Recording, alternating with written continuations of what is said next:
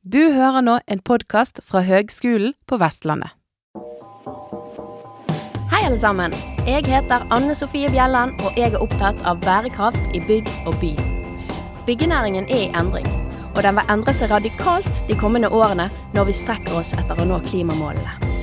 Det er utrolig mye som skjer samtidig. Med denne podkasten ønsker jeg å følge utviklingen på tvers av fag, sånn at vi sammen kommer nærmere bærekraft i bygg og by. Hei, og velkommen til en litt annerledes podkastepisode. I dag så er vi live fra Campus Kronstad på Høgskolen på Vestlandet i forbindelse med sirkulærdagene på høgskolen. Og for å fortelle litt om hva dette er, så har jeg fått med meg hjernen bak hele dagen. Eh, Siri Smith. Eh, hei. Hallo. Eh, vil du fortelle litt? Hva, hvorfor eh, har vi arrangert en sånn dag her på høgskolen? Jo, eh, nei, vi har kanskje hatt en, vi har hatt en bærekraftskonferanse tidligere, eh, før pandemien. og Så kom pandemien, og så ble det vanskelig å få til ting. Og så eh, ja, tenkte vi at det var kjekt å både få til noe litt mer sånn aktiviteter på campus, kombinert med fag. Og så er sirkulærøkonomi noe som kommer veldig. Både EU og eh, vår eh, regjering og, og industrien og alle er nå klar over hvor viktig det er å legge om til en eh, sirkulær økonomi. Så vi fant ut det skal vi jammen gjøre på høyskolen òg. Her er det masse vi kan ta tak i.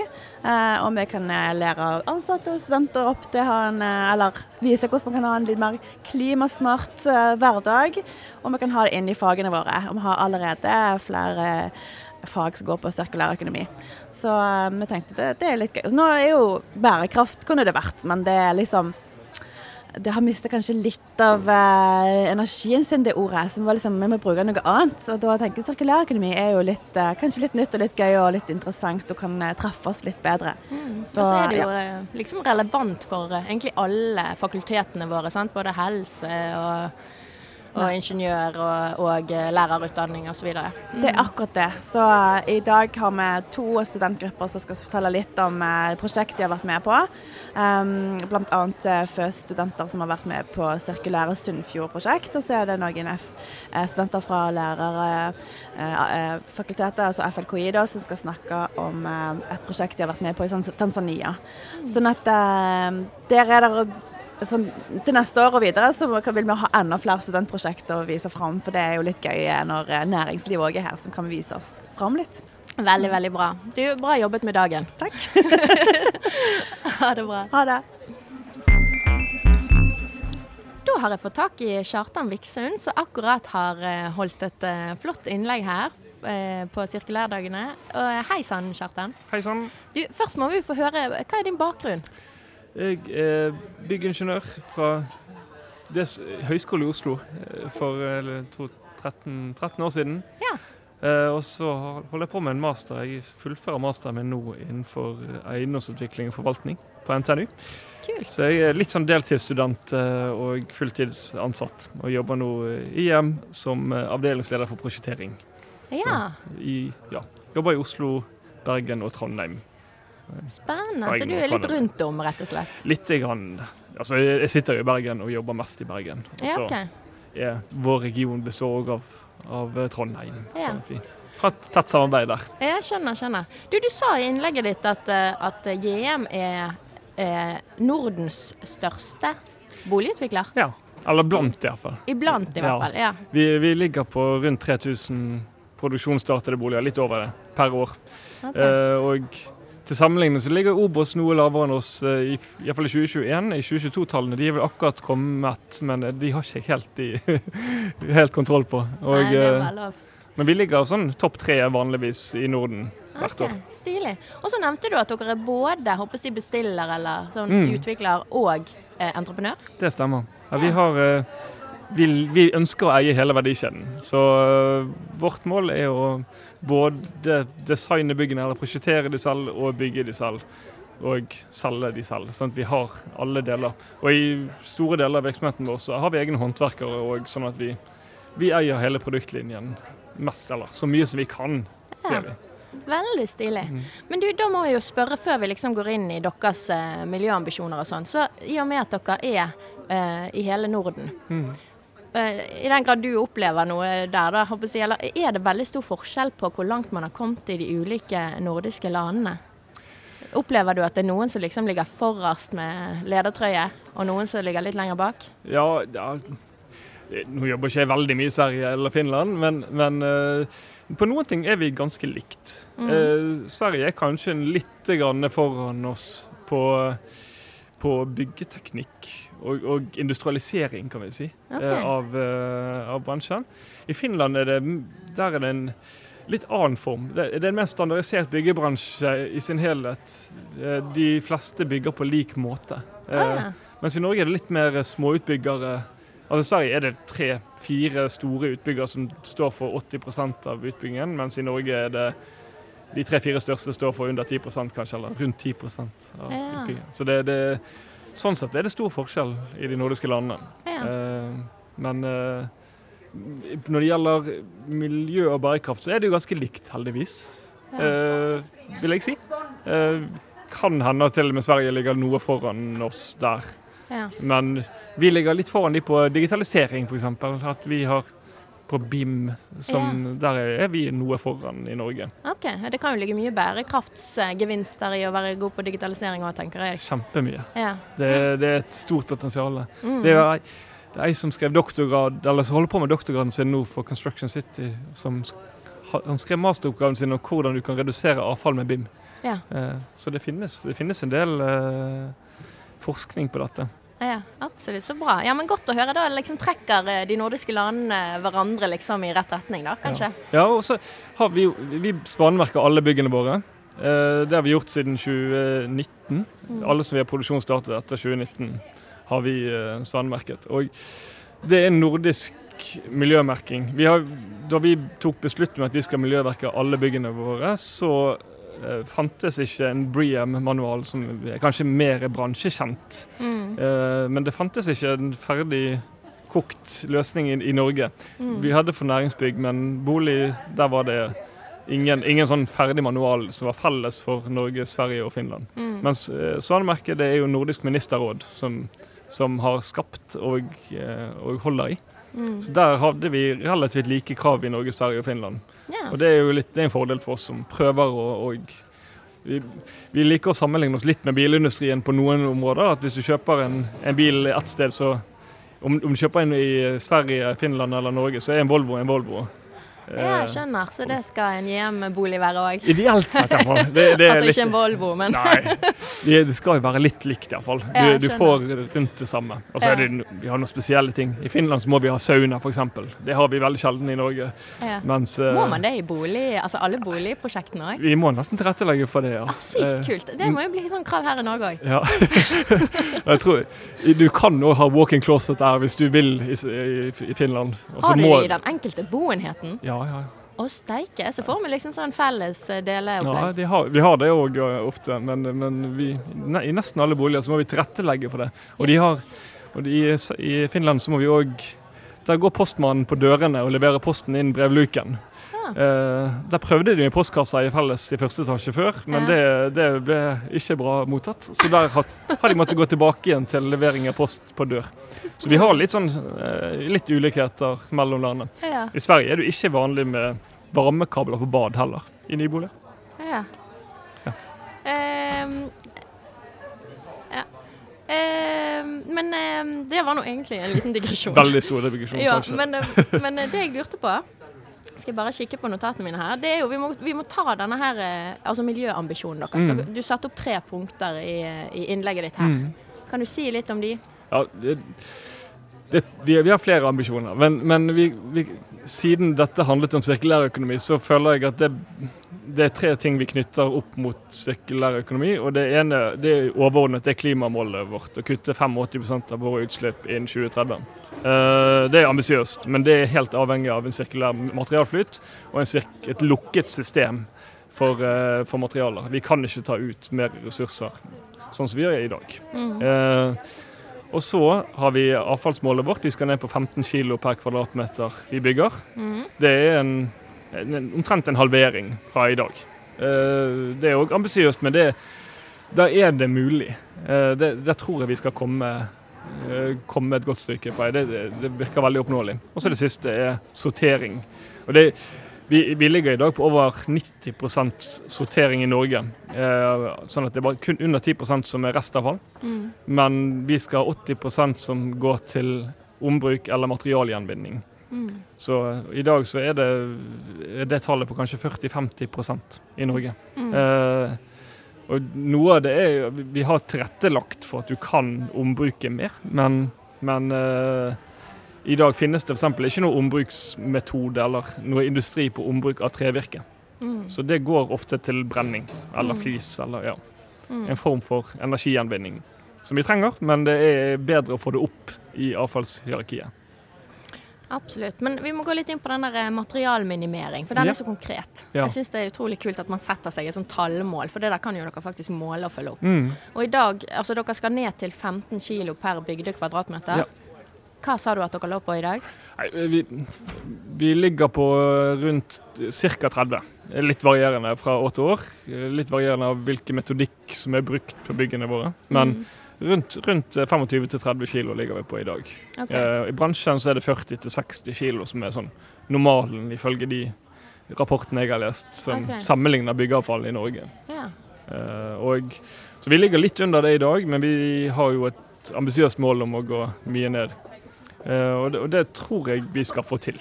Jeg tror det, det finnes vi, vi satte sammen en, gruppe håndverkere og funksjonærer for uh, fire år siden er det nå, Mm. Som satte opp en liste med over 200 punkter på eh, tiltak vi kan gjøre for å redusere avfallet vårt. Og det er alt ifra hvilke Altså når vi prosjekterer bygg, hvilke måter skal teglsteinen mures på? Eh, se bak deg her, for her er det vilt forbant, som er en, en forbandtype der du kan bruke mest mulig av mursteinen. Hvis du tegner halvsteinsforbant eller en tredjedel av kvartsteinsforbant, så må du ofte kappe steinene mye mer. Da får du mer avfall. Mm. Så ved å velge riktig forbandtype, som gjør at du ikke nødvendigvis har et, den og den type mønster, så vil du kunne redusere avfallet. Og Det er et veldig konkret eh, eksempel på, på tiltak vi har gjort. Så vi har laget en manual når vi skal prosjektere, når vi skal bygge og hvordan vi skal håndtere eh, teilen okay. som brukes i våre bygg. Ja, så bra. Eh, Og så dette med prefab var du litt inne på, ikke sant? Ja, ja det, vi vet at altså, det, er litt sånn todelt. Det, det vi prefabrikerer, det reduserer avfallet på byggeplass. Det viser veldig mange studier, og Mm. det, er, det er veldig tydelig hos oss. Eh, vi, har til, vi har akkurat et prosjekt hvor vi har testet å plassbygge ytterveggene våre mot at vi vanligvis prefabrikerer de. Og da økte avfallsmengden med nesten 10 kg per kvadratmeter. Så det, det er vesentlig. Det, det er en tydelig forskjell. Og så er jo det spørsmålet er, Vi må jo se på hele systemet eh, og hele verdikjeden.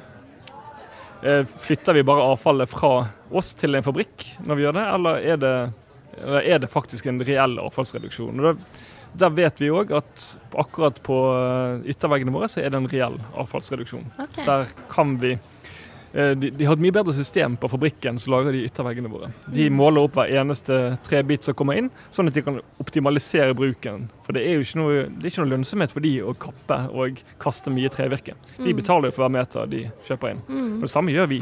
Men det er gjerne, materialkosten er jo ikke så høy. Eh, Men den er på vei oppover, og det tror jeg vil bidra til at vi skal redusere materialbruken litt. I hvert fall. Ja, jeg tror nok at det vil akselerere fokuset på materialoptimalisering. Ja. Absolutt. Ja. Men, eh, men eh, jeg skal pirke litt i det målet. Mm. Eh, fordi at det er en dimensjon som det målet ikke fanger. Mm. Eh, I og med at det er 15 kilo material brukt per kvadratmeter, så kan du fortsatt bygge så stort du bare vil, hvis du skjønner. Ja. Eh, så, så spørsmålet mitt er hvordan jobber dere, eller jobber dere med å, å tenke nytt om hvor mange kvadratmeter en bolig egentlig skal inneholde?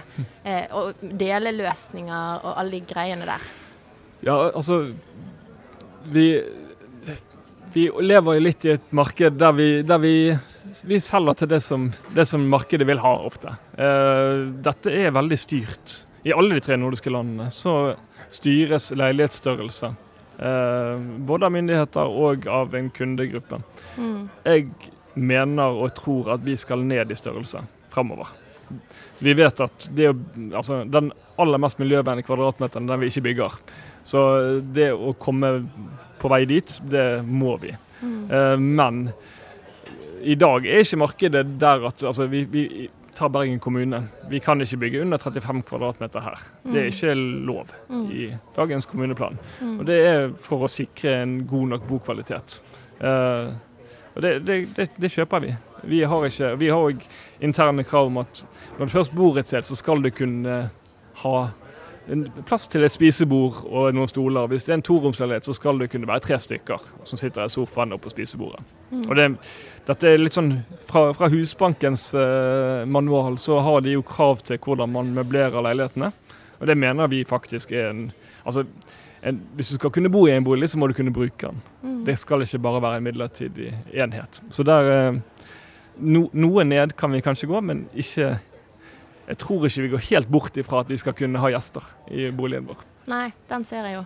Men, men det er jo liksom alle disse her størrelsesdefinisjonene for bolig. Mm. De legger jo premisset at alle funksjoner skal være innenfor de veggene som er definert som bolig. Ja. Så hvis du plutselig sier at ja, nei, det er ikke helt sånn lenger nå. Mm. Sant? så sier at OK, noen er kanskje gira på å dele bare ett stort kjøkken, eller ha et stort sånt besøksrom som de kan ha så mange de bare vil i, på en Mm. Ja. måte. Uh, eh, eller leker dere med sånne ting? Det, vi har jo hatt et stort prosjekt her i Bergen. eh, vi eh, håper si kommunen har Mm. hatt denne her naboutstillingen på Kode og sånn, der dette var tematikk. sant?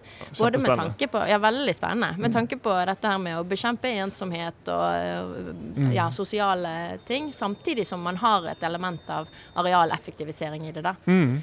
Og, og det er jo utrolig spennende. Vi, vi, vi, vi må jo anerkjenne at det er, det er noe som vi må teste ut, og vi gjør det òg, vil jeg si. Eh, Vi har flere prosjekter hvor vi har gjesteleiligheter. Vi har et prosjekt i Oslo nå som eh, ligger i Groruddalen.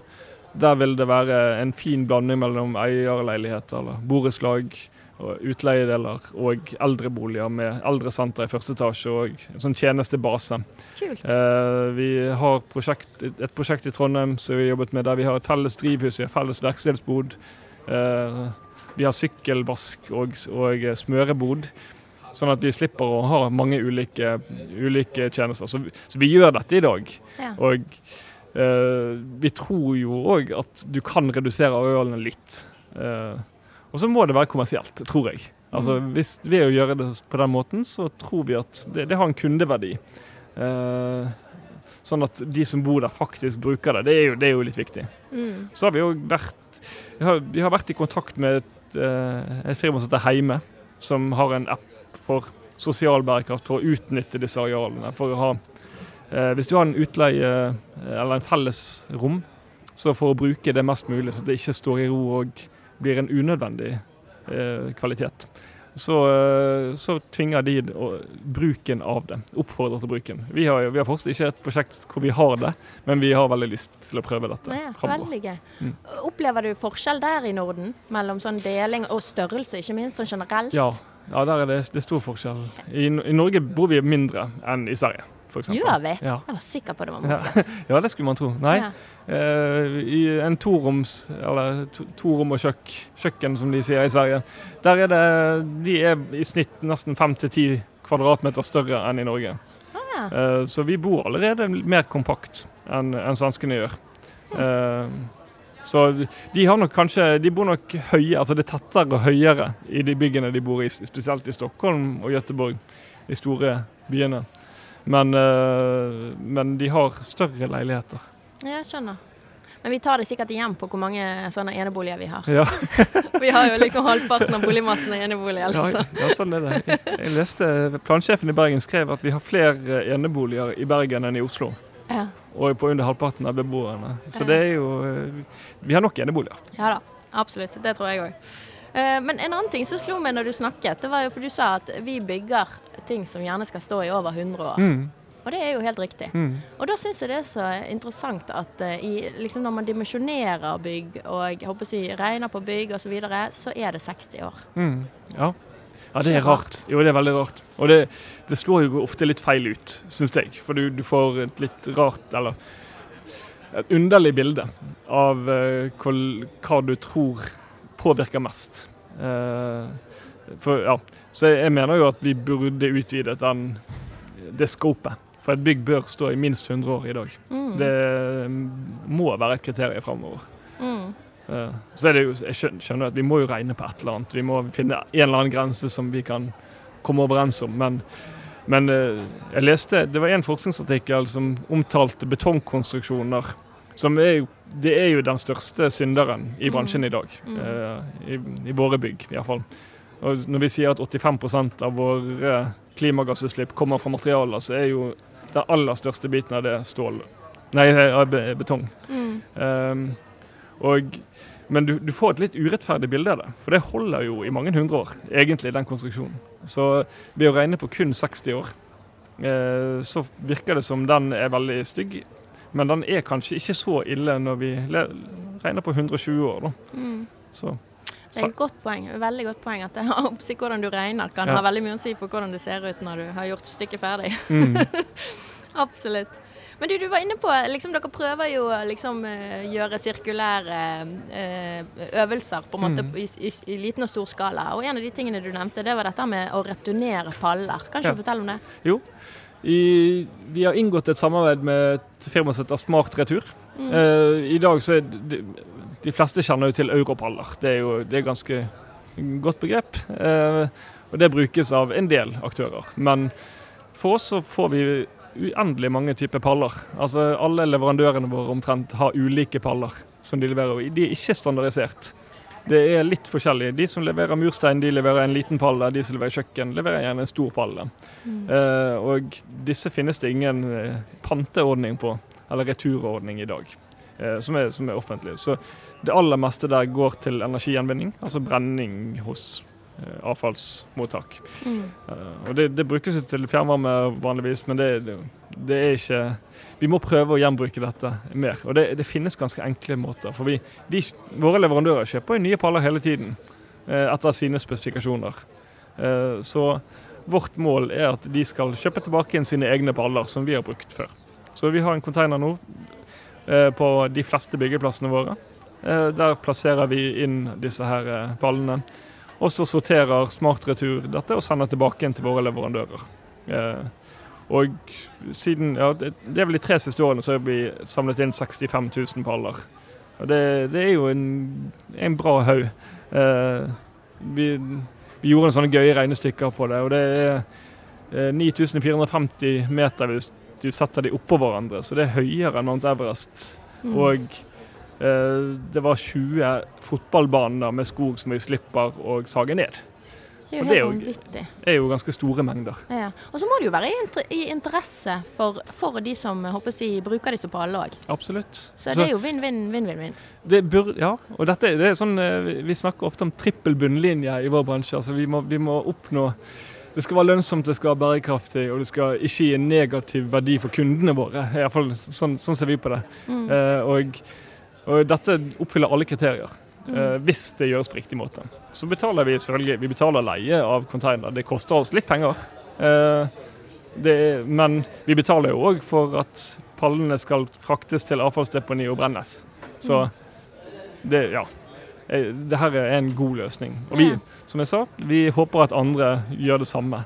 Dette er en ganske lavthengende frukt som kan flytte. Vi, vi så at 24% av vårt avfall ble flyttet fra energigjenvinning til ombruk. Mm. Og det er store, store mengder. Ja, absolutt. Absolutt. Du, jeg må spørre om en ting. Det går jo litt fort i svingene i hodet her eh, på en sånn eh, travel dag som denne. Eh, Men du nevnte at dere, dere svanesertifiserer. Mm. Men nå er jo Bream på god vei inn i bolig... Ja, absolutt. Boligavdelingen òg, for å si det sånn. Så hvordan er de to opp imot hverandre, de to sertifiseringsordningene? Ja, vi, det, vi, vi har gjort sammenligning, og vi, vi, vi, det finnes en del vurderinger eh, på det. Eh, det er vanskelig å vekte, for de, de tar ikke helt de like tingene. Mm. Eh, Bream gir mer poeng for Altså det er en poengbasert eh, løsning, så desto flere poeng, desto høyere grad. Mens Svanemerket har ganske mange obligatoriske krav, og så har du noen poengkrav i tillegg. Men det er ingen gradering. Enten får du det, eller så får du det ikke. Ja.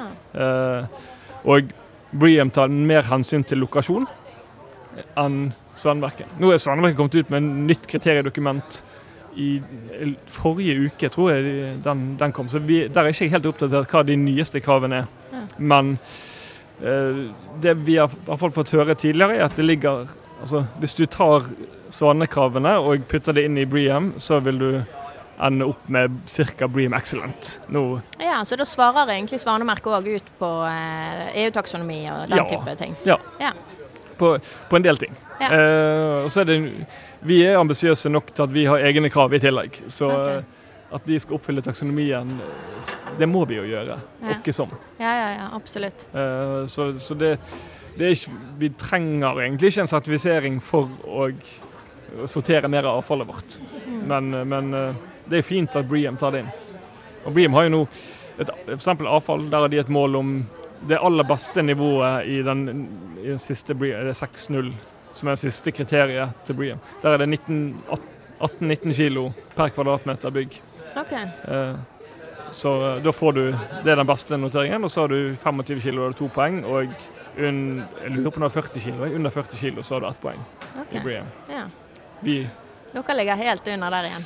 vi, vi har et mål, iallfall, om Ja. å ligge under der. Ja, et mål. Unnskyld. Et mål. Veldig bra. Ja. Men du, du, du sa et så utrolig artig ord på, um, i innlegget ditt, og det var Hva var det det var? Bærekraftig dulting. Ja, ja det, det, det mener vi. Altså det, vi, vi har en tidligere administrerende direktør som dessverre er gått bort. Men eh, han sto på Arendalsuken og hevdet at bærekraft det er ingen konkurranse. Vi må, Alle må ta i bruk dette. og det, vi, Klimakrisen er ekte. Og for å bukte med den, så må vi samarbeide for å nå målene. Så alle de tingene vi gjør, de håper vi at andre skal gjøre. Eh, vi, altså, vi skal bygge mer energieffektivt, vi skal bygge med mindre materialer enn vi gjør i dag. Eh, og det håper vi at hele bransjen blir med oss på. Mm. Eh, og så håper vi at vi kan kopiere løsningen til andre. Ja, ja, ja. Det, ved å samarbeide så kan vi nå målene.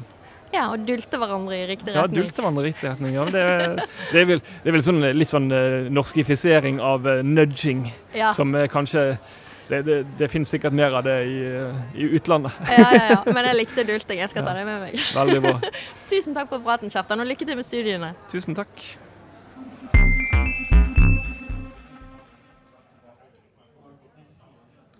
Nå står jeg her med eh, Tordur Bryngeirson, som er helt eh, fersk nyansatt i FutureBuilt.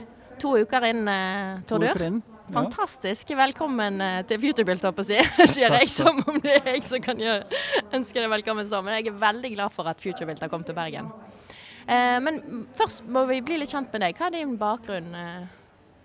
Bakgrunn? Ja, jeg er jo islending, som du kanskje hørte på presentasjonen her i sted. Men, eh, og kom til Norge for å studere arkitektur. Eh, Siden har jeg jobba innen bransjen de siste 30 årene eh, som arkitekt. Praktiserende arkitekt. Mm. Og nå sist så jobba jeg med Arkitekter Bergen. Ja, Mm. OK. Og hva var det som gjorde at du fikk lyst til å jobbe i Futurebildet? Jeg var alltid brent for bærekraft og, og gode, gode kvaliteter innen arkitektur. Eh, Så jeg eh, så på det som en kjempemulighet for å på en måte lære mer, og, og på en måte ikke minst eh, bringe frem miljøvennlige og innovative bygge, byggverk i Bergen. Ja. Kan du si liksom kort hva er det programmet hva er programmet, og hvordan skal det altså hva skal det være for aktører i Bergen? da? Ja, altså FutureBuilt er jo et, er jo et eget håper jeg varemerke, men det er jo drevet av kommunene. Eh, kommunene som eier det. Og så har vi samarbeidspartnere i f.eks. Enova og, og Grønn eh, byggallianse osv. osv. Eh, Bergen er jo helt ny på kartet. Så her er det da snakk om en treårig pilot i første omgang, der vi skal jobbe med, med løsningen på dette her. Så har vi på en måte danna et eh, sekretariat som på en måte skal jobbe med de prosjektene. og Vi har satt oss et mål om å få til en seks til tolv prosjekter i løpet av en eh, treårsperiode. Og så har vi en styringsgruppe på topp som er etatsdirektørene, som da vil bistå oss med å både velge ut kandidater til slutt, når sekretariatet har gjort jobben sin. Ok. Mm. Men hvis man er et eh, prosjekt i FutureBuilt, hva innebærer det for prosjektet? Det innebærer mange ting. Eh, altså min rolle oppi det vil jo være å være en støtte og bistand inn i de ulike prosessene. Eh, men i forhold til kommunal saksbehandling osv. Så, videre, så vil du ha på en måte kjennskap på dette med prioritert eh, saksbehandling inn, inn i prosjektet, Mm. eh, som vil på en måte følge det. Ja. Eh, og så er det mange andre ting. Altså Det er jo både dette med synlighet, tilgjengeliggjøring av informasjon. Du får eh, kontakt med gode fagmiljøer rundt om. Får være med på eh, konferanser og, og med i, i dialogen rundt innovativ og bærekraftig ja. bygning. Veldig bra. Eh, altså Nå har jo eh, du eller dere allerede arrangert en hel sånn dag med Stemmer? ja, med sånn, jeg vet ikke hva vi skal kalle det, sånn Som pitching. pitch. Kalt, ja. Ja. Eh, kan du røpe litt om eh, spekteret den dagen, og eh, hvordan du opplever eh, byggebransjen i Bergen? Veldig, veldig spennende. Og, og til nå så har det vært veldig stor interesse. Veldig mange som ringer og telefoner hele tiden, egentlig, rundt, rundt det. Ja. Eh, på disse eh, pitchmøtene så er det jo egentlig bare å bli kjent og finne ut litt om prosjektene som ønsker å være med. Ja. Eh, så vi hadde en elleve prosjekter som presenterte seg, både små og store. Eh, som hadde liksom ulike innfallsvinkler på dette med innovasjon og bærekraft og energi. ja. Så, så det er veldig spennende. Så nå vil jo da sekretariatet i etterkant av dette her allerede i morgen begynne å drøfte eh, videre, videre prosesser. Utrolig spennende. Men du Mm. sier små og store prosjekter. Eh, er det private eh, aktører? Kan det være en huseier som kommer? Både private og offentlige. Ja. I enkelttilfeller, altså i FutureBuilt-systemet, så har vi hatt noen mindre prosjekter, tomannsboliger, den Ja. type ting. ja. Men da har det vært et veldig sterkt ønske om, eh, om dette med bærekraft og, og, og miljø. Mm. Og ellers så er det håper jeg alt fra større næringsbygg til kommunale initiativ. Større næringsbygg, eh, offentlige og private, eh, så det er en god, god blanding. Ja. Eh, prosjektene er jo synlige i FutureBuilt sin database som ligger på, på nett, tilgjengelig for alle. ja. Veldig spennende. Mm. Men du har jo vært i, jeg i bergensbransjen lenge, så du, jeg å opplever du at eh, det er en bransje som er, lener seg fremover her? Absolutt. Absolutt. Og det, og, og, og det er jo det som er liksom gøy når man starter med dette her nå, er, er liksom å, å, å se all den interessen som er der ute. Ja. Eh, alle vil jo, ja. og på en måte har en forståelse for at vi må, eh, må dit. Mm.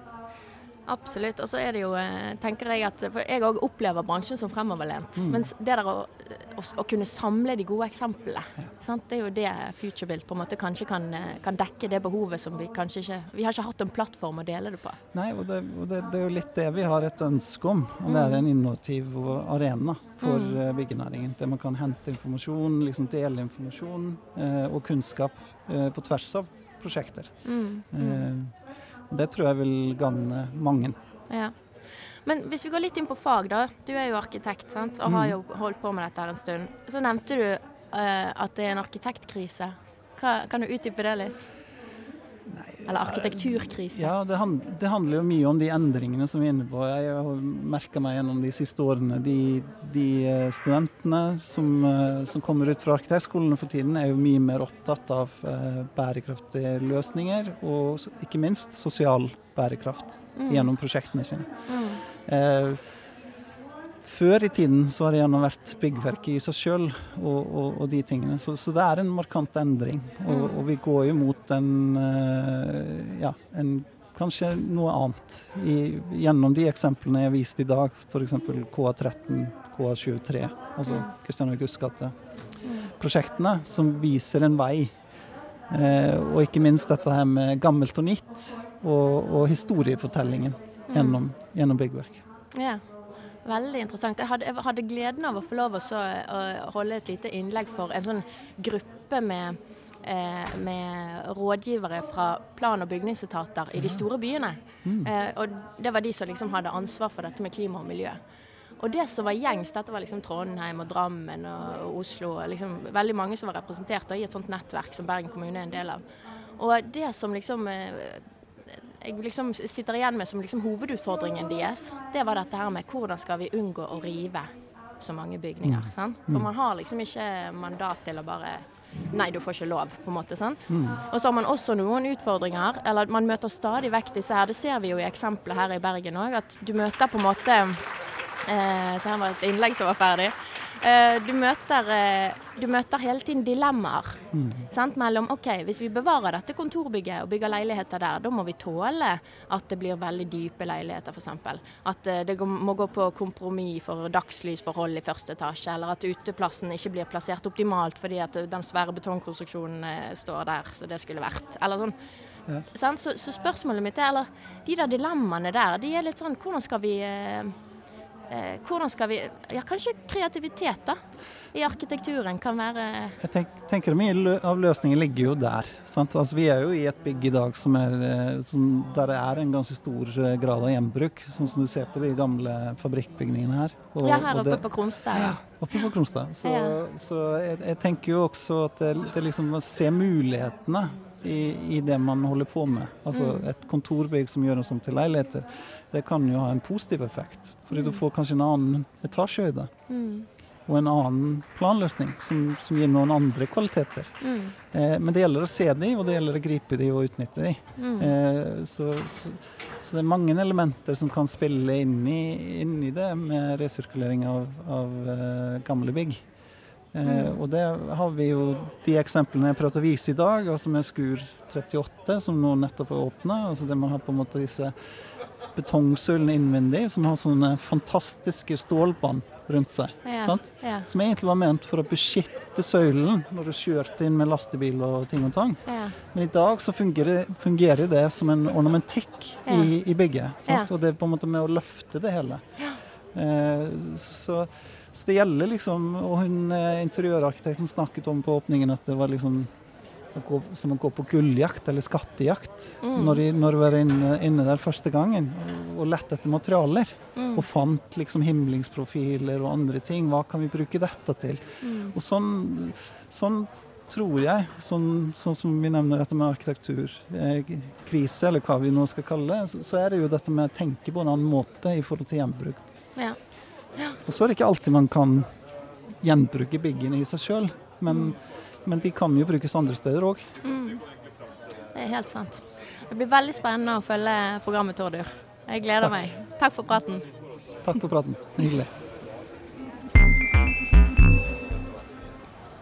Ok, folkens. Da har vi hatt oss eh, en liten prat med aktører fra byggenæringen som har vært til stede på sirkulærdagen her på Høgskolen på Vestlandet. Utrolig kjekt når eh, bransje besøker eh, høyskolen eh, og mingler litt med studenter.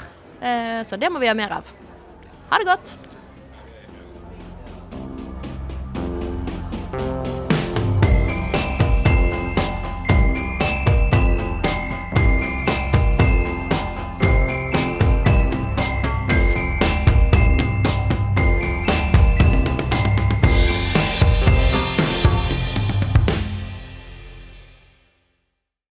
Du har nå hørt en podkast fra Høgskolen på Vestlandet. For å høre flere podkaster, besøk hvl.no slash podkast.